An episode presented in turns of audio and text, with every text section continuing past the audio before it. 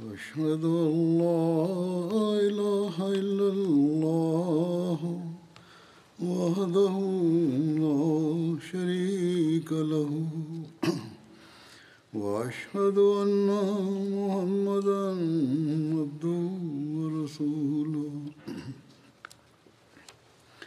أما بعد فأعوذ بالله من الشيطان الرجيم.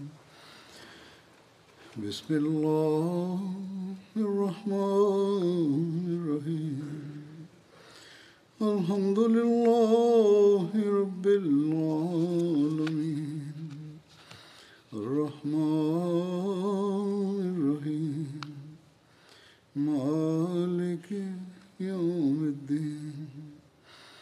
إياك نعبد وإياك نستعين. اهدنا الصراط المستقيم صراط الذين أنعمت عليهم غير المغضوب عليهم ولا الضالين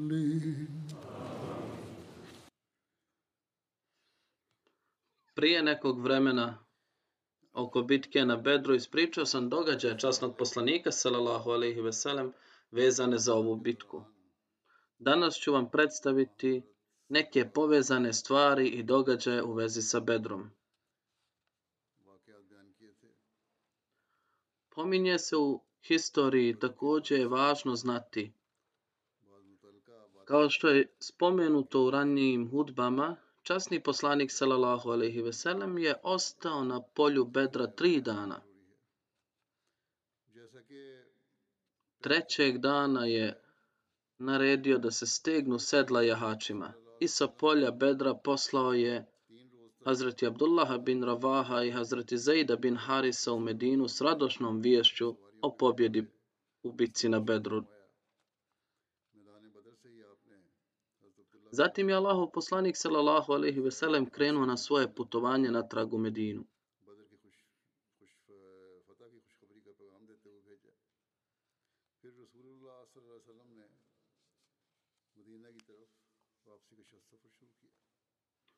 Sa ovim pobjedničkim karavanom bio je, bilo je i 70 zatvorenika Kurejšija Mekke.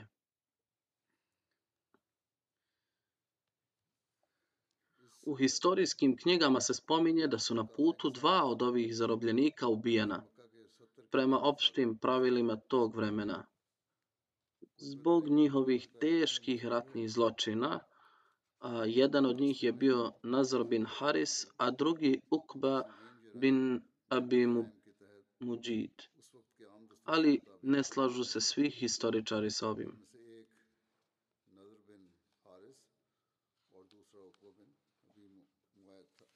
Alama ibn Ishak kaže da je na povratku sa Betra sa Bedra kada je Allahov poslanik sallallahu alejhi ve sellem stigao u mjestu Safra Nazar bin Haris ubijen a Hazret Ali ga je ubio. U Siri Halabija se spominje da je Nazar bio u zatvoru i rekao je svom saputniku tako mi Allaha Muhammed će me ubiti jer me je vidio sa takvim, jer me je gledao sa takvim pogledom da sam predvidio svoju smrt.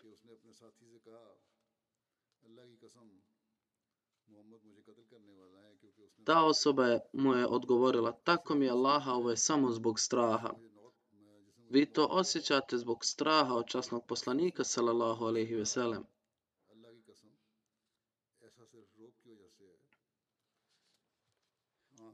Tada je Nazar rekao Musabu bin Umeiru, o Musab, ti si mi bliži od ove osobe, zato razgovaraj sa svojim saputnikom da me učini jednim od zatvorenika. Tako mi Allaha, on će me ubiti. Tako je Musab rekao, ti si govorio to i to o Allahovoj knjizi i govorio si to i to o poslaniku i nanio si štetu ashabima časnog poslanika, sallallahu alaihi ve. Dakle, ovo su tvoje prijašnji, ovo su tvoji prijašnji zločini, pa ako te ubiju, onda znači da je ovo kazna zbog tih zlih dijela.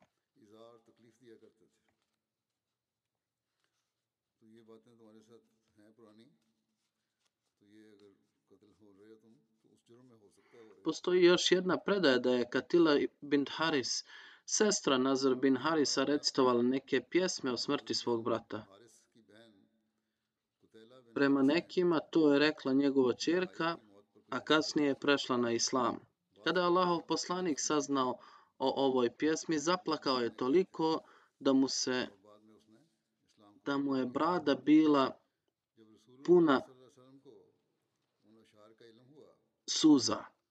Zatim je poslanik sallallahu alejhi ve sellem rekao da su ove da su riječi ove pjesme došle do mene prije ubistva Nazar bin Harisa, bio bih ljubazan prema njemu i oprostio mu. Ali neki biografi poriču e, tradiciju odnosno ovaj hadis o plakanju časnog poslanika sallallahu alejhi ve sellem na takvim pjesmama. A neki potpuno negiraju ovaj incident. Međutim, Allah najbolje zna šta je ispravno. Ako se ovaj događaj zaista dogodio iz nježnog srca časnog poslanika sallallahu alejhi ve sellem, onda ovo je vrlo moguće, jer on je prirodno bio sa veoma mekim srcem. Imao je milost u svom srcu. Slično postoji predao Nazar bin Harisu da on nije ubijen. Kao što sam rekao, već je bio živ i pridružio se časnom poslaniku sallallahu alejhi ve sellem u bitku u bitci kod Huneina, a poslanik mu je dao sto kamila kao dar. Zatim ono što se spominje u historiji drugog ubistva po povratku sa polja Bedra bio je Ukba bin Abi Muid. Ubijen je na putu za Medinu na mjestu Erkez Zabiha. Hazret, Hazret Jasim bin Haris bin Sabit Ansari je ubio Ukbaha, a prema jednoj drugoj predaji Hazret Ali ga je ubio. Jedan pisac je napisao da su i Nazar bin Haris i Ukba bin Abi Muit bili ti koji su nahuškali na rat protiv Islama i bili vođa onih koji su razbili planine patnje i bola muslimanima, zbog čega su i dobili ovu kaznu. Međutim, sažetak ovoj dvojici ubijenih ljudi je da se za njih ne može definitivno reći da su ova dva zarobljenika zaista ubijena na putu ili ne, jer postoje neke predaje u kojima je to vrlo jasno da je Ukba bin Abim Muit ubijen na polju Bedra, dok on Nazar bin Harisu postoje dvije vrste predanja, da je ubijen i da nije ubijen, nego je preživio i kasnije primio islam prilikom gazva Huneina, iako se ove predaje smatraju malo slabijim.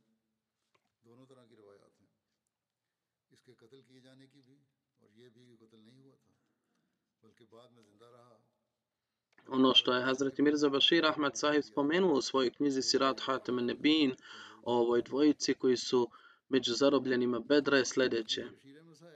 Odnosno među zarobljenicima Bedra. Neki historičari su spomenuli ime Ukbah bin Abbi Muita među vođama koji su bili zarobljeni i napisali da je kasnije ubijen dok je bio u zatvoru pod komandom časnog poslanika sallallahu alejhi ve sellem, ali to nije istina. U hadisu i historiji postoji vrlo jasna predaja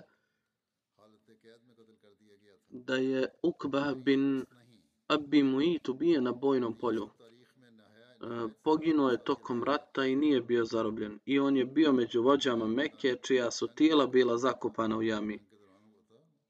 Međutim, ubistvo Nazira bin Harisa u zatvorskom stanju pokazuje mnoge predaje. Razlog njegovog ubistva je bio taj što je on bio jedan od onih ljudi koji su bili direktno odgovorni za ubijanje nedušnih muslimana koji su, koje su ubili nevjernici u Mekki.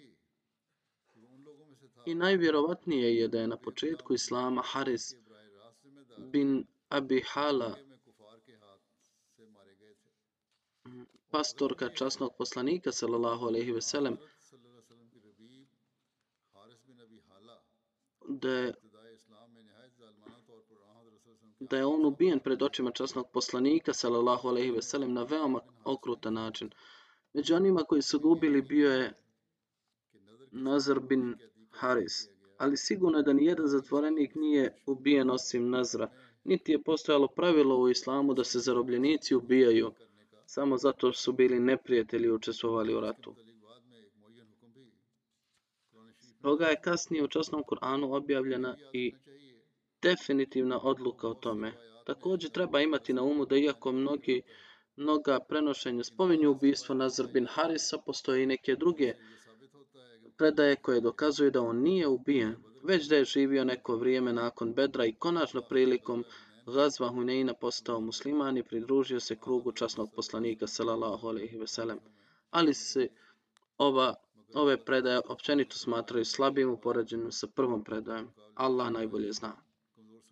Međutim, ako je neko od zarobljenika ubijen, to je samo Nazar bin Haris ubijen uh, u odmazdi, a postoji predaje da je nakon njegovog ubistva poslanik sallallahu alejhi ve sellem čuvši bolnu pesmu njegove sestre u kojem je tražena oprost, rekao je da bi mu ovi sti, da su mu ovi stihovi ranije stigli oprostio bi mu. Međutim, ni jedan zarobljenik nije ubijen osim Nazra. Ovo je zaključak Hazreti Mirze Bashir Ahmad sahiba koji je, koji je izveo iz istorijskih knjiga. U bitci na Bedru 70 nevjernika, uključujući velike vođe mušrika, ubijeno je od strane muslimana, a 70 ih je zarobljeno od strane muslimana. Što se tiče broja zarobljenika, postoje predaje da ih je bilo 49 ili 74, ali najautentičniji i ispravnijih je da je zarobljeno 70 nevjernika. Broj 70 je zabilježen u raznim istorijskim knjigama. U predaju Sa Buhariju se spominje da su poslanik sallallahu alejhi ve sellem i njegovi ashabi nanijeli štetu 140 mušrika na dan Bedra, odnosno 70 je bilo zarobljeno, a 70 ubijeno. Zarobljenici mnogobožaca, to jest koji su pristupili islamu nakon Bedra, prihvatili su islam Za njih se piše da su ashabi prema naredbi časnog poslanika sallallahu alejhi ve sellem jako humano i ljubazno postupali prema zarobljenicima Bedra.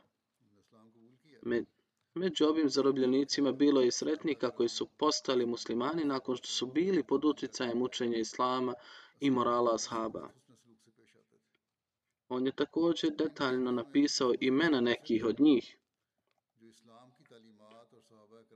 Abbas bin Abdul Muttalib, Vakil bin Abu Talib, Nafal bin Haris, Abul As bin Rabi, Abu Aziz. On je također bio poznat po imenu Zarara bin Umeir, Abdari Saib bin Abu Huvejš, Halid bin Hisham, Mahzumi, Abdullah bin Abi Saib, Matlab bin Hantab, Ebu Ada Sahmi, Abdullah bin Abi bin Half, Jamhi, Wahab bin Jamhi, Suhail bin Amr Umri, Abdullah Zamma, koji je bio brat Umm al-Mu'minin Hazret Suada bin Zamma, Kejs bin Saib, Mustas koji je bio rob Umeje bin Halfa, Saib bin Ubejd. Svi su prihvatili islam nakon što su platili otkupninu na dan Bedra. Pobjeda Rimljana ima jednu vezu sa bitkom na Bedru. Poslanik sallallahu alejhi ve sellem je predskazao pobjedu Rimskog carstva, a kao što sam rekao, to je vezano i za bitku na Bedru, pa je prikladno spomenuti ovdje.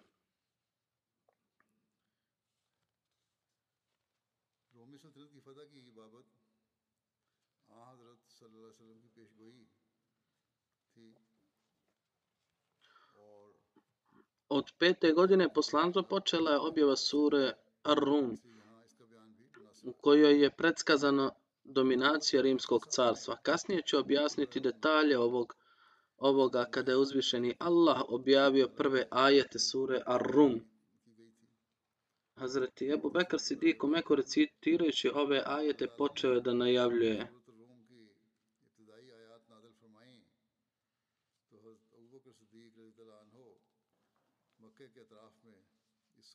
Alif Lam Mim Gulibatur Rum في أدنى الأرض وهم من بعد غلبهم سيغلبون في بدء سنين odnosno Rimljani su poraženi u obližnoj zemlji. I nakon njihovog poraza sigurno će ponovo pobjediti u periodu od 3 do 9 godina. Mnogobošci koji su bili u Meki, odnosno u Meki kada je objavljen ovaj ajet, željeli su da narod Perzije prevlada, prevlada nad narodom Rima, jer su ovi i oni bili idolopoklonici. Narod Perzije i Iranci su bili idolopoklonici, obožavatelji vatre, a ljudi Mekke su također bili idolopoklonici. Željeli su da Perzijanci prevladaju, a muslimani su voljeli da Rimljani nadvladaju Perzijance, jer su oni bili narod knjige. Oni su spomenuli Hazreti Ebu Bekru, Hazreti Ebu Bekr to je spomenuo Allahovom poslaniku, sallallahu alaihi veselem. Na šta je poslanik rekao? Oni će sigurno pobjediti, odnosno Rimljani će pobjediti. Hazreti Ebu Bekar je ovo spomenuo mušricima, oni su rekli, odredite period između nas i vas, odnosno postavite uslov. Ako mi pobjedimo, onda će nama pripasti ovo, a ako vi pobjedite, onda će vama pripasti ovo. Pa su odredili rok od pet godina prema drugoj predaji, odredili su rok od šest godina.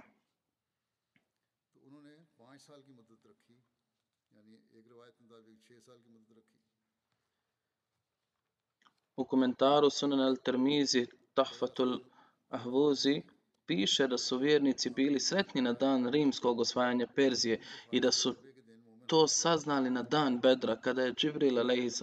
donio radosnu vijest pomoći protiv mušrika u Bedru i, i o ovom osvajanju. Kada je Džibril a.s. došao s vijestima o ovoj pobjedi sa radosnom viješću o pomoći protiv mnogobožaca.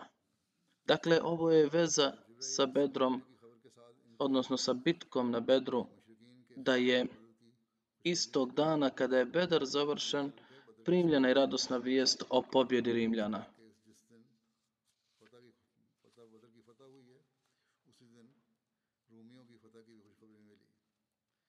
Allama Bedrudin Eini u svom komentaru na Buharijevo na Buharijevu predaju u vezi predskazanja o rimskoj pobjedi piše kada su Rimljani i Perzijanci ušli u rata, muslimani su voljeli da Rimljani pobjede nad Perzijancima jer su bili narod knjige, zato su muslimani simpatizirali Rimljane jer su bili narod knjige. Dok su nevjernici Kurešije voljeli pobjedu naroda Perzije jer su bili obožavaoci vatre. A nevjernici Kurešije su također obožavali idole.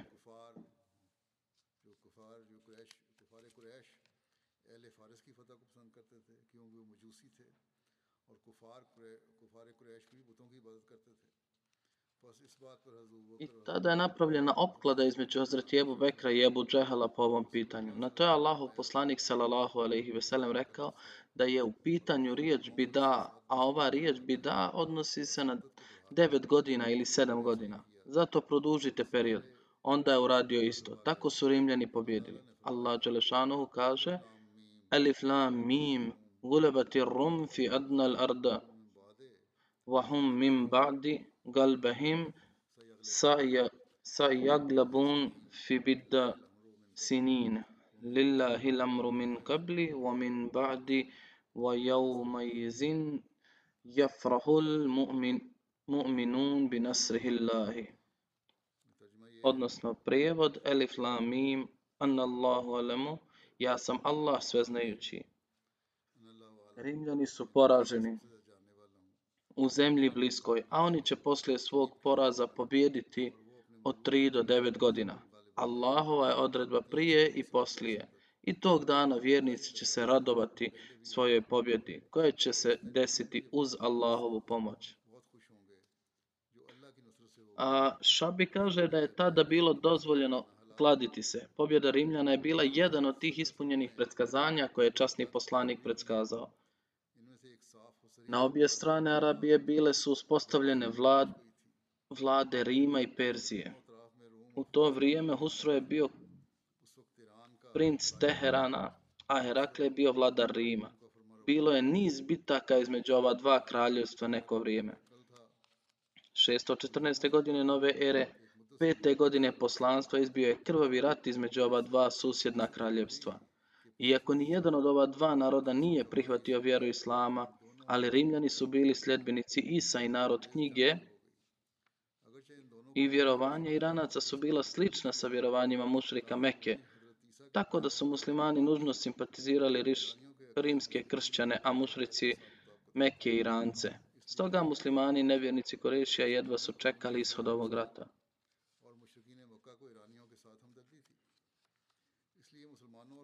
Granice ova dva kraljevstva susreli su se na obalama rijeka Tigar i Eufrat. Rimsko carstvo se prostriralo prostiralo širom male Azije na istoku u Iraku, Siriji, Palestini i Egiptu. Iranci su pokrenuli dvostrani napad. S jedne strane napredovali su prema Siriji sa obala Tigra i Eufrata, a sa druge strane su prešli malu Aziju od Azerbejdžana do Jermenije i ušli u današnju Anadoliju, odbijajući Rimljane s obje strane i gurajući ih u more. U pravcu Sirije osvajali su grad za gradom od Rimljana u ovoj svetoj zemlji. Znači, 14. godine Palestina i njen sveti grad Jerusalim došli su pod vlast Iranaca. Crkve su porušene, vrijeđani su vjerski rituali. Palata iranskog cara bila je ukrašena sa 30.000 ubijenih glava.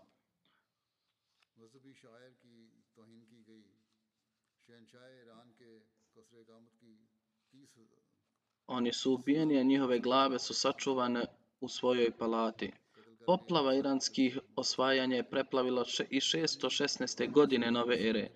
Zahvatila je čitavu dolinu Nila, odnosno Egipatsko kraljevstvo, i konačno se zaustavila na obali Aleksandrije, a sa druge strane zaustavila se na obali Bosfor, uništavajući cijelu malu Aziju do Carigrada.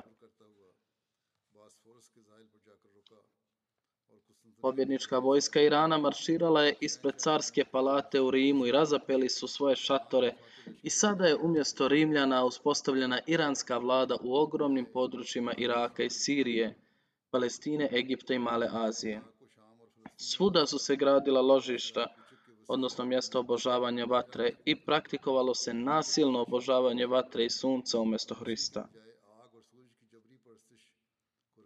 Vidjevši ovo uništenje Rimskog carstva, pobune su se podigle u ogromnom carstvu Rimskog carstva i došlo je do pobune i u Africi. U blizini samog Carigrada razni narodi u Europi su se bavili masakrima. Stoga su u to vrijeme dijelovi Rimskog carstva bili razbijeni.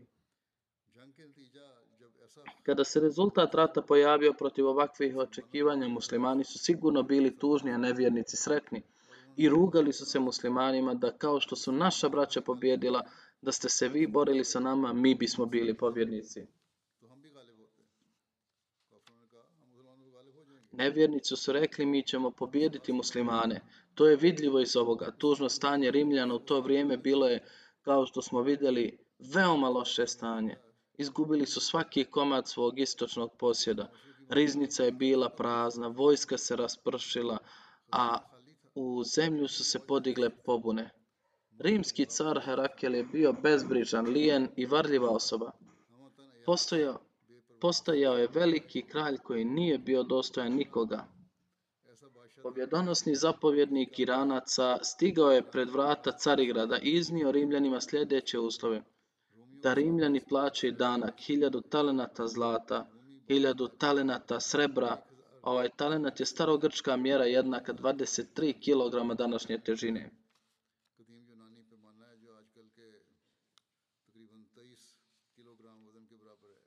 Uz to i hiljadu svila, hiljadu konja i hiljadu djevojaka. Tako je bilo nemoćno stanje Rimljana da su morali prihvatiti ove sramne uslove. Nakon ovakve sramote ipak Rimski glasnik je otišao na dvor iranskog cara sa porukom pomirenja. Ponosni Husro je na to odgovorio ovako. Ne sviđaju mi se ove stvari koje je donio. U redu je što ste prihvatili ovo, ali ja želim da Herkul bi trebao biti doveden vezan lancima pred mojim prijestoljem. Kralj Rima mora biti pod mojim jarmom, a ja neću se pomiriti sve dok car Rima ne napusti svog razapetog Boga i ne pregne glavu Bogu sunca i sve dok se ne pokaje od hrišćanstva.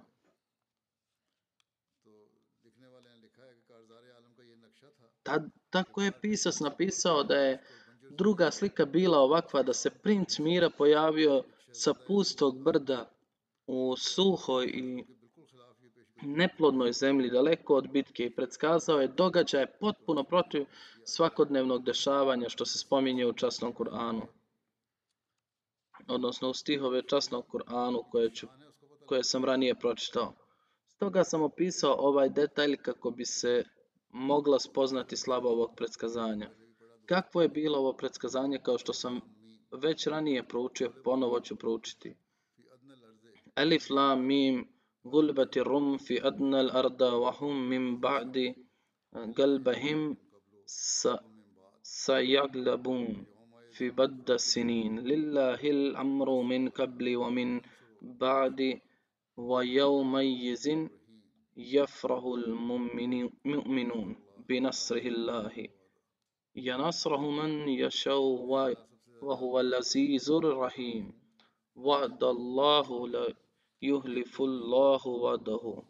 Odnosno, Elif la mim annallahu alamu. Ja sam Allah sveznajući. Rimljani su poraženi u zemlji bliskoj, a oni će poslije svog poraza pobjediti od 3 do 9 godina. Allahova je odredba prije i poslije i tog dana vjernici će se radovati svojoj pobjedi, koja će se desiti za Allahovu, uz Allahovu pomoć.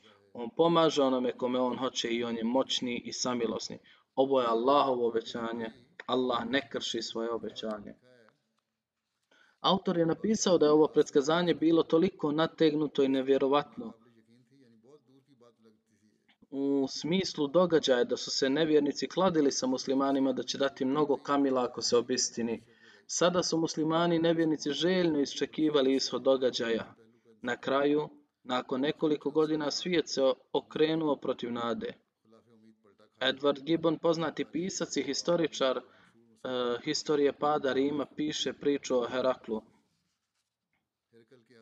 Car koji je u ovom početnom i starom, staroj dobi života bio rob veselja i iluzija i nemoćan posmatrač patnji svojih podanika. Kako se jutarnja i večernja magla razbijaju svjetlošću zalaska sunca, 621. godine nove ere Arkadije iz Mahale postao je Cezar bojnog polja, odnosno bio je car Rima, a čast Rima i Herkula je na veličanstven način spašena u šest pohad, pohoda.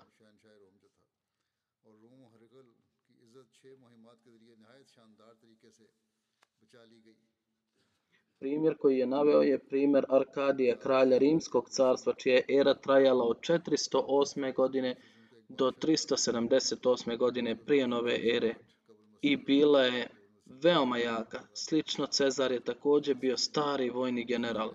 Međutim, kada je Herakle sa ostatkom svoje vojske napustio Carigrad, ljudi su znali da je posljednja vojska velika, velikog Rima pred svijetom.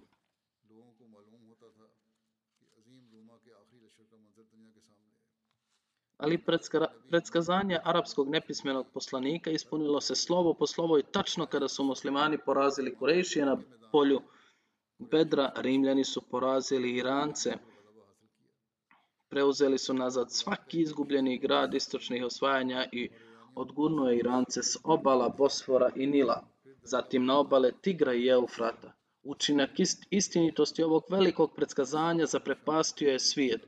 Mnogi ljudi Korešija postali su muslimani nakon što su vidjeli ovu istinu i nakon 12 stotina godina od događaja Edward Gibbon je zadivljen istinitošću ovog predskazanja, ovog neverovatnog predskazanja i priznaje ovo predskazanje. Dalje kaže, kako prijevod glasi, Muhammed sallallahu alaihi ve sellem sjedio je na prijestolju dva velika istočna carstva, odnosno na kraju dva istočna carstva i s velikom radošću proučavao napredak njihovog napora da unište jedno drugo. I tačno tada kada su Iranci zaredom dobijali pobjedu, usudio se da predskaže da će u narednim godinama pobjeda biti pripisana Rimljanima. Nijedno predskazanje nije moglo biti daleko utegnutije u vrijeme kada je ovo napravljeno. Niko nije mogao vjerovati jer je Heraklova 12-godišnja vladavina najavila da će se moć rimskog carstva uskoro raspasti.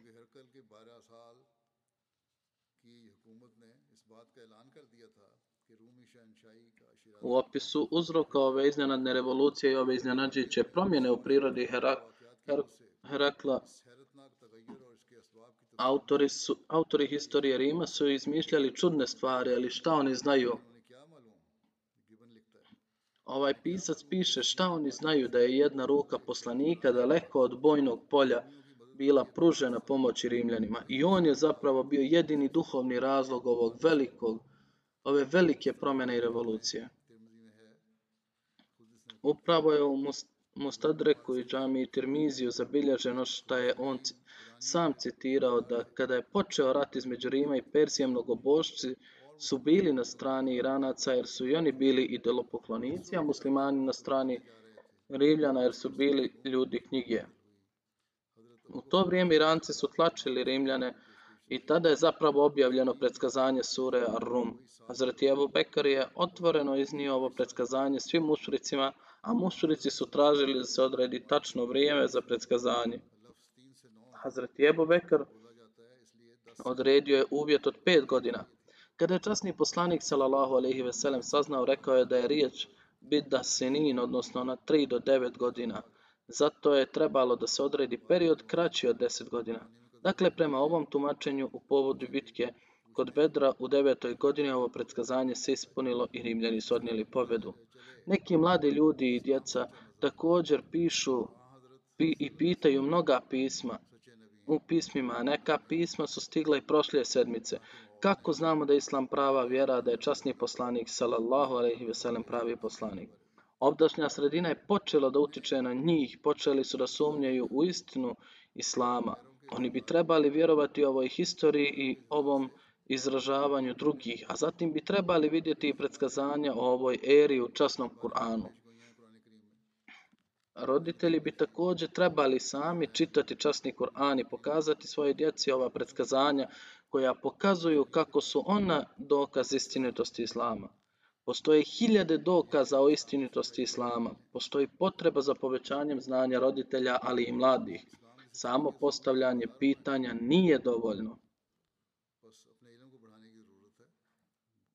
Nije dovoljno samo da se postavi pitanje, treba da pokuša sam da dođe do saznanja, a slično bi mu i naše organizacije pomoćne trebale dati znanje o tome. Ovo pitanje mi je postavljeno mnogo puta, međutim, ovo objašnjenje je bilo neophodno pa sam ga ovdje spomenuo. Sada se vraćam glavnoj temi. Bitka na Bedru se odigrala prve godine po Hidžri i 14. godine poslanstva, devet godina prije toga. To će biti peta godina poslanstva.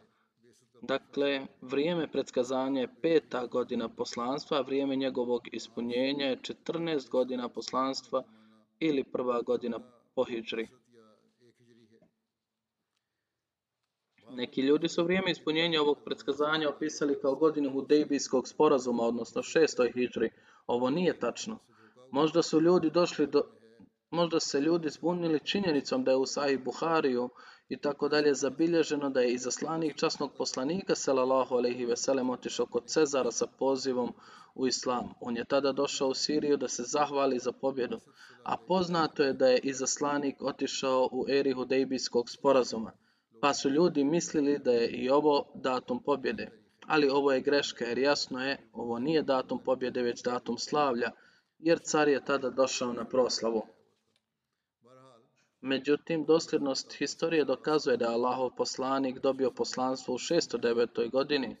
610. godine Rim i Persija su počeli ulaziti u sukob jedni s drugima. 613. je objavljen rat, a 14. počinje poraz Rimljana. 616. godine nove ere rimski poraz je dostigao svoj vrh, a Rimljani su krenuli u napad 22. A njihov uspeh je započeo 623 a 625. njihova pobjeda je bila potpuna. Ako to pogledate ovim redoslijedom, bit će jasno da je ljepota ovog predskazanja u tome da period od početka poraza do početka pobjede je 9 godina, kao i od kraja poraza do pobjede također je 9 godina. Nakon završetka ove pobjede, Herkul je postao lijen i raskošan vladar kakav je i bio prije. Činilo se da je ruka prirode pobudila njegovo srce i um i ojačala njegove ruke nekoliko godina, samo da bi ispunio ovo predskazanje. Nakon ispunjenja predskazanja kao i prije raskoš i su ga natjerali da spava na krevetu luksuza i nemara. Ovo je također napisao i Alama Shibli Numani u svojoj historiji. Hazreti Mirza Bashir Ahmad sahib je razriješio historijski spor oko pobjede Rimljana na način da se u nekim predajama spominje da je pobjeda Rima ostvarena za vrijeme Hudejbijskog sporazuma, ali ove dvije predaje nisu kontradiktorne jer je zapravo osvajanje Rima širilo se od vremena Bedra, odnosno bitke na Bedru do vremena Hudejbijskog sporazuma.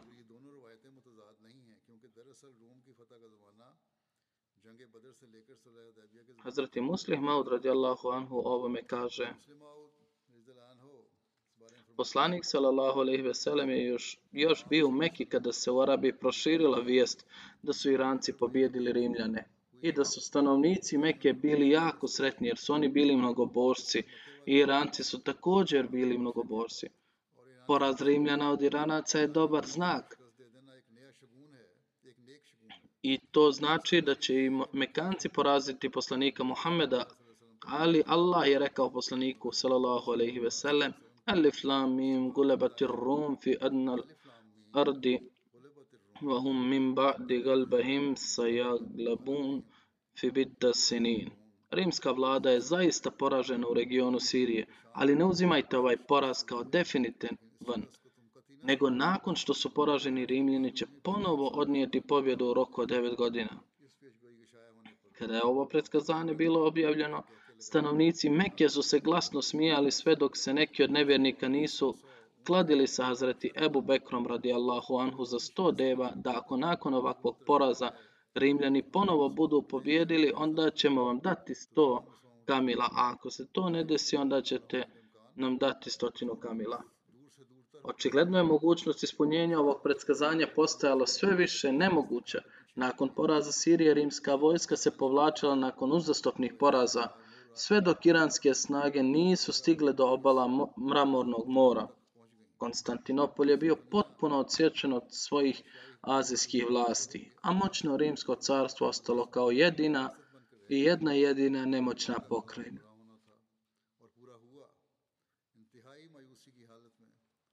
Ali Božja riječ se morala ispuniti tako se desilo. U stanju krajnjeg očaja rimski kralj zajedno sa svojim vojnicima napustio je Konstantinopolj. U konačni napad iskrcao se na azijskoj obali i vodio odlučujuću bitku sa Irancima. Uprko smanjenju broja i oprame Rim, rimski vojnici su prema predskazanju časnog Kur'ana nadvladali Irance. Iranska vojska je pobjegla tako da nisu mogli izdržati van granica Irana a zatim Rimljani su ponovo preuzeli izgubljenu afričku i azijsku teritoriju rimske vlasti.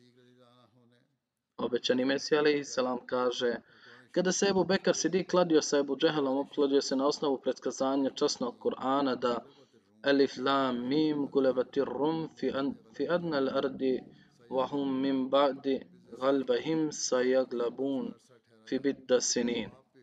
On je odredio tri godine za ispunjenje ovog predskazanja, ali poslanik sallallahu alejhi ve sellem imajući obzir prema predskazanju, odmah je naredio Ebu Bekru da malo izmijeni uvjet i rekao da je riječ nekoliko godina otvoren pojam i često do devet godina se primenjuje.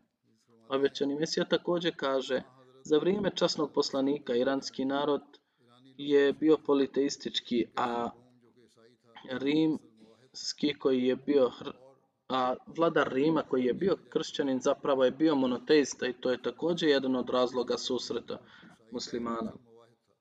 Uzor salam kaže da je Cezar, da je vladar Rima koji je bio kršćanin zapravo bio monoteista i nije vjerovao da je Isa salam Allahov sin. A kada mu je predstavljeno spominjanje Isa u Kur'anu, on je rekao, Za mene status Isa salam nije ništa više od onoga što je spomenuto u Kur'anu. U hadisu je njegovo svjedočanstvo prisutno, ali i kod Buharija da je svjedočio da je ovo, da se ovo odnosi na Kur'an i da je ista riječ koja je u Tevratu i da položaj Isa selam ništa nije viši od poslanstva. Na ovo je bilo objavljen ovaj ajet. Alif lam mim gulabati rum fi, fi adna al-ard wa hum min ba'di galbahim sayaglabun fi bidda sinin lillahu amr lillahi al-amru min qabli wa min ba'di wa al-mu'minun odnosno Rim je sada poražen, ali će za kratko vrijeme, za devet godina, ponovo prevladati. Hrišćani od svojih lukavština kažu da je poslanik sallallahu alejhi ve sellem već bio svjestan oko moći obje snage i od svog razuma je iznio ovo predskazanje. Onda mi kažemo da kao što je na isti način i Isa gledao bolesne i od pretpostavke bi znao ko će ozdraviti, njih bi samo liječio. Ovdje također Huzur je napravio poređenje i odgovorio na optužbe. Ovako sva njihova čuda su propala. Jaumajizin jafrahul mu'minun. Tog dana vjernici će imati dvije radosne vijesti. Jedna je pobjeda u bitci kod Bedra, a druga je pobjeda ispunjena predskazanja o Rimljanima. Ako se prigovori da je bitka bila već viđena, ali uslovi nisu bili takvi u bitci na Bedru, radosna vijest o pobjedi već je bila data i ove dvije radosne vijesti su zajedno primljene. On dalje navodi da je časni Kur'an pun mnogih predskazanja kao što je veliko predskazanje o rimskom carstvu i Iranu prisutno u časnom Kur'anu. I ovo predskazanje je dato u tom vremenu kada je Iransko carstvo pobjedilo u bitci nad rimskim carstvom i preuzeli su neki dio njihove zemlje.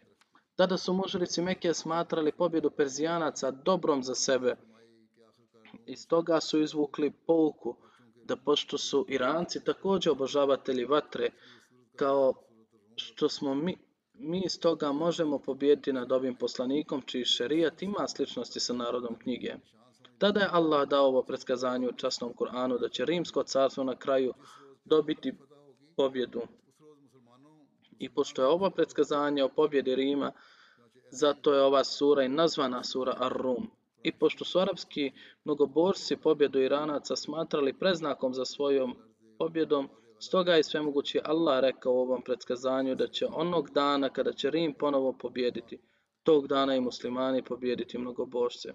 Pa tako se i desilo. Ajeti iz Kur'ana u vezi sa tim su Alif lam mim gulabati rum fi adna al-ardi wa hum min ba'di galbahim sayaglabun fi baddi sinin. لله الأمر من قبل ومن بعد ويومئذ يفرح المؤمنون Ja sam Bog koji zna najbolje. Rimsko carstvo je poraženo u bliskoj zemlji i ti ljudi će ponovo dominirati carstvom nakon tri godine u roku od, od do devet godina.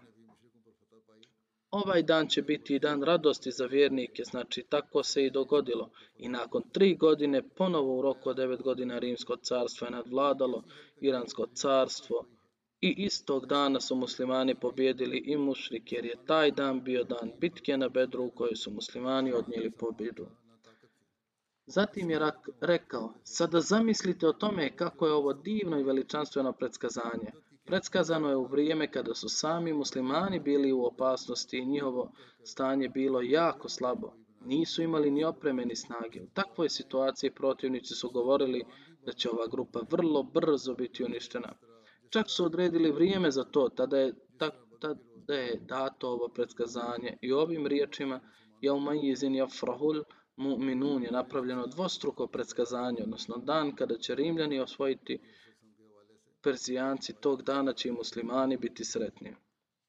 Znači, kako je bilo rečeno u predskazanju, tako se i desilo na dan Bedra sa jedne strane Rimljani su pobjedili, a sa druge strane muslimani. Međutim, ovaj niz će se nastaviti, ovi događaji su vezani za časnog poslanika i, ostalo ću predstaviti u drugim hutbama, inšala. Nakon namaza također će se obaviti jedna dženaza u odsustvu za gospodina Feraza Abdul Vahida iz Velike Britanije. Nedavno je preselio u dobi od 47 godina. Inna lillahi ve inna ilaihi rađiun. Bio je iračkog porijekla i pridružio se džematu 2012. godine. Među preživjelima su njegova supruga i kćer U djetinjstvu je postao hafiz časnog Kur'ana. Kada je odrastao, usvojio je ekstremni vjerski put i postao vrlo nasilan tip muslimana. Prodao je televizor kuć, iz kuće jer je smatrao haramom gledati ga.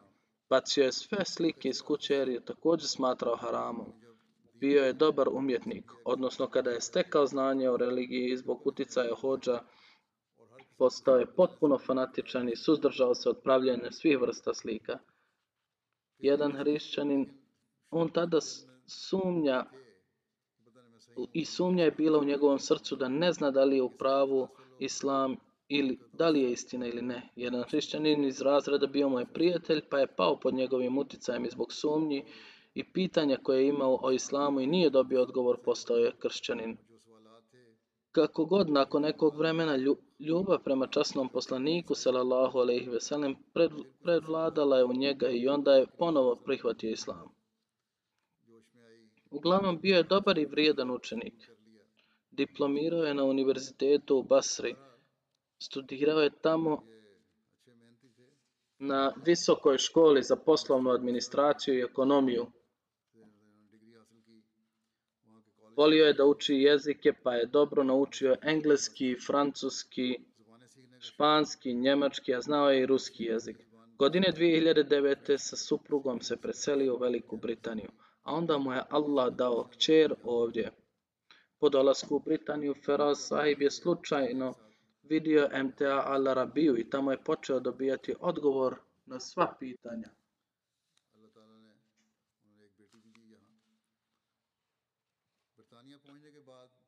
Na kraju, istinitost Hazreti obećanog Mesija alaihi salam toliko je doprinilo do njegovog srca da mu je postala navika da uči ilahi obećanog Mesija alaihi salam napisane u znak hvale časnog poslanika sallallahu alaihi veselem.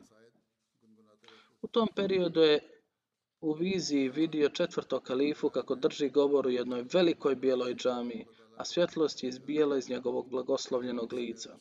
Kasnije je vidio zgodnog mladića koji je poput novinara u mikrofonu zvao obećanog Mesiju a.s. najljepšim imenima, podstičući ljude da ga slijede. Konačno zakleo se na vjernost 2012. godine, odnosno dao je bajat. Došao je u kontakt sa dr. Bilal Tahir sahibom iz Sheffielda preko kojeg je poslao uh, zatev za Bajat i zatim je zajedno s njim proučavao razne knjige i pitanja i odgovore iz serijala i vrlo brzo počeo širiti poruku džemata i bio je u stanju da daje odgovore na prigovore protiv džemata efikasno i efikasno je branio džemat. Jazin Rabab iz Jordana piše da moj brat Feraz Abdul Wahid je bio vrlo dobar Ahmedi. Proučavao je knjige džemata, odgovarao je neprijateljima i otpadnicima. On je zaista bio branitelj Islama Ahmedijeta. Ahmedi prijatelji na Facebooku su ga, na Facebooku su ga zvali Fars Ahmedija, što znači konjanik Ahmedija. Oči su mi vlažne kada god ga spomenim, neka mu Allah podari oprost. Da mi ima Budaka Saib kaže, da je Ferasaj bio izvanredan istraživač i da je imao odličnu sposobnost da prevodi i piše na arapskom i engleskom jeziku. Bio je aktivan član tima odgovora na pitanja na džematskoj web stranici. Njihovi odgovori su uvijek bili potpuni i dobro obrazloženi, potkrijepljeni referencama na džematskom, džematskim i nedžematskim na arapskom i engleskom jeziku. Kada su neki arapski otpadnici i licemjeri podigli fetvu Rahmetli Feraz je bio među onima koji su odgovorili na njihove prigovore i bio je među vodeći među onima koji su se borili protiv njih. Zbog svoje savršene vjere i ljubavi, snažno je branio i hilafet. Dr. Ejman Odi kaže da je Rahmetli brat Feraz Abdul Wahab bio posebno poznat zbog njegovog ogromnog znanja i izuzetne inteligencije u vezi sa svojim temama i spisima.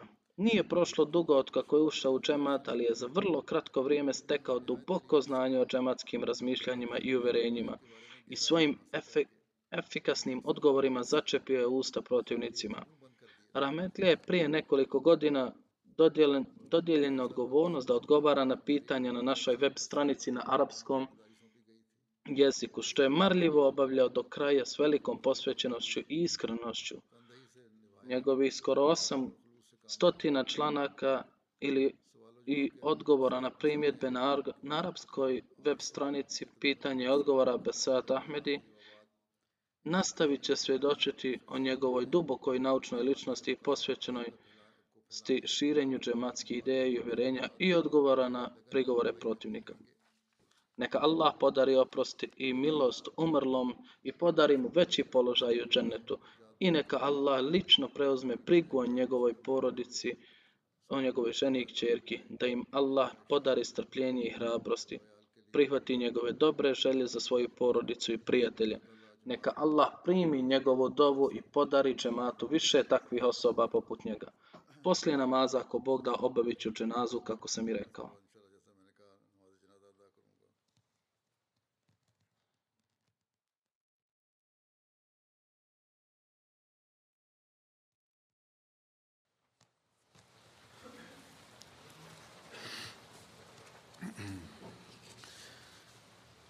الحمد لله الحمد لله نحمده ونستعينه ونستغفره ونؤمن به ونتوكل عليه.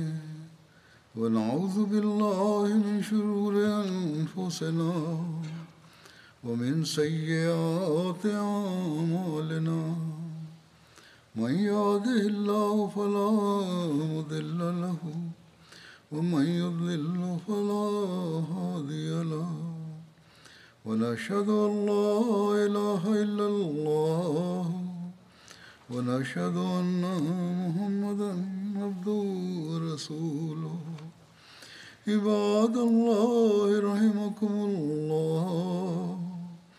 إن الله يأمر بالعدل والإحسان وإيتاء ذي القربى.